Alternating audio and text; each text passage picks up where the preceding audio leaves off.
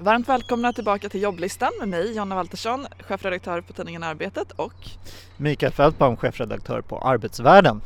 Rubriken för det här snacket det är Ska EU eh, bestämma svenska löner? Och då handlar det ju såklart om den stekheta frågan EU försöker att eh, införa minimilöner i Europa det är ju att rapportörerna i Europaparlamentet har kommit med sitt förslag eh, där de skärper eh, gränsen för vilka som ska införa det här. Så, eh, ja, kollektivavtalstäckningsgraden ska nu ligga på 90 procent vilket gör att Sverige med en av de absolut, eller den absolut högsta kollektivavtalstäckningsgränsen eh, kommer också drabbas av det här. Eh, det här stöds ju nu eh, enhälligt av både konservativa gruppen och socialdemokratiska gruppen i parlamentet och det utlöser ju förstås starka svenska reaktioner, eh, särskilt från LO då.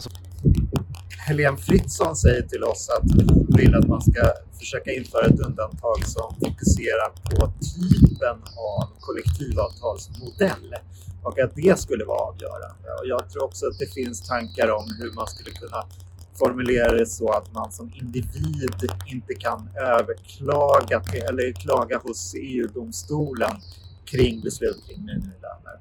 Vad tror du Jonna?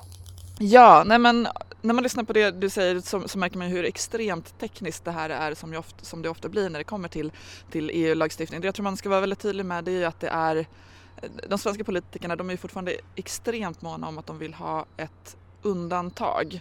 Eh, men, men, att man då håller på att skifta position från, från just eh, det här geografiska undantaget till, till systemundantag. Bara att säga systemundantag gör ju att man får lite så här kalla kårar, det är så himla himla tekniskt. Eh, men men eh, det man väl också kan tillägga, LO är ju rasande, de är ju jättearga på, på det här förslaget som, som nu finns i parlamentet eh, och, och pratar ju om att det här verkligen är ett hot mot svenska modellen. Och det är väl någonstans Lavaldomen som, som ligger där i bakgrunden och skaver.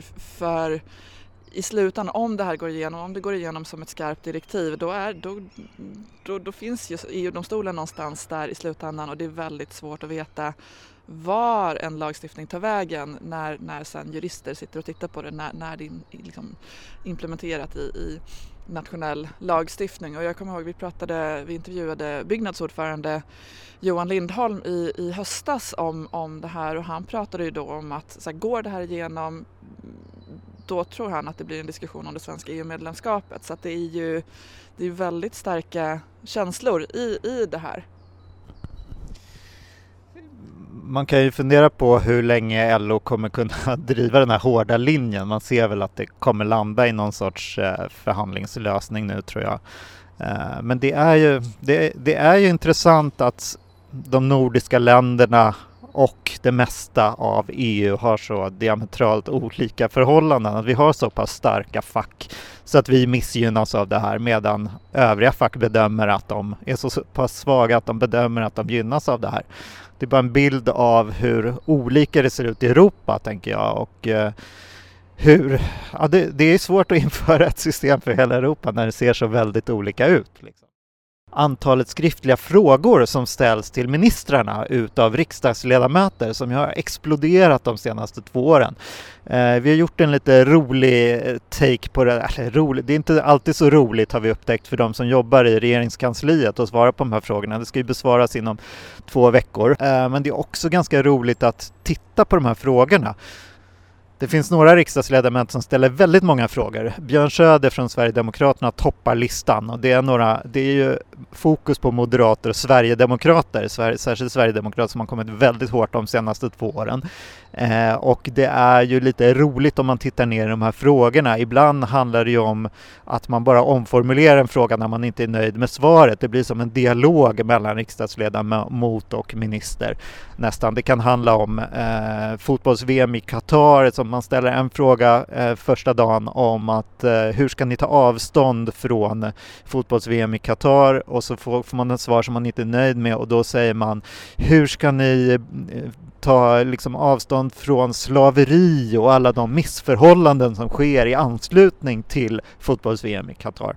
Och eh, folk som hävdar att ja, men det här är ju klassiskt eh, att man ser inför lov till exempel. Då dråsar in frågor eh, som någon sorts, som jag uppfattar det då, som någon sorts sabotagemetod mot re regeringskansliet ungefär.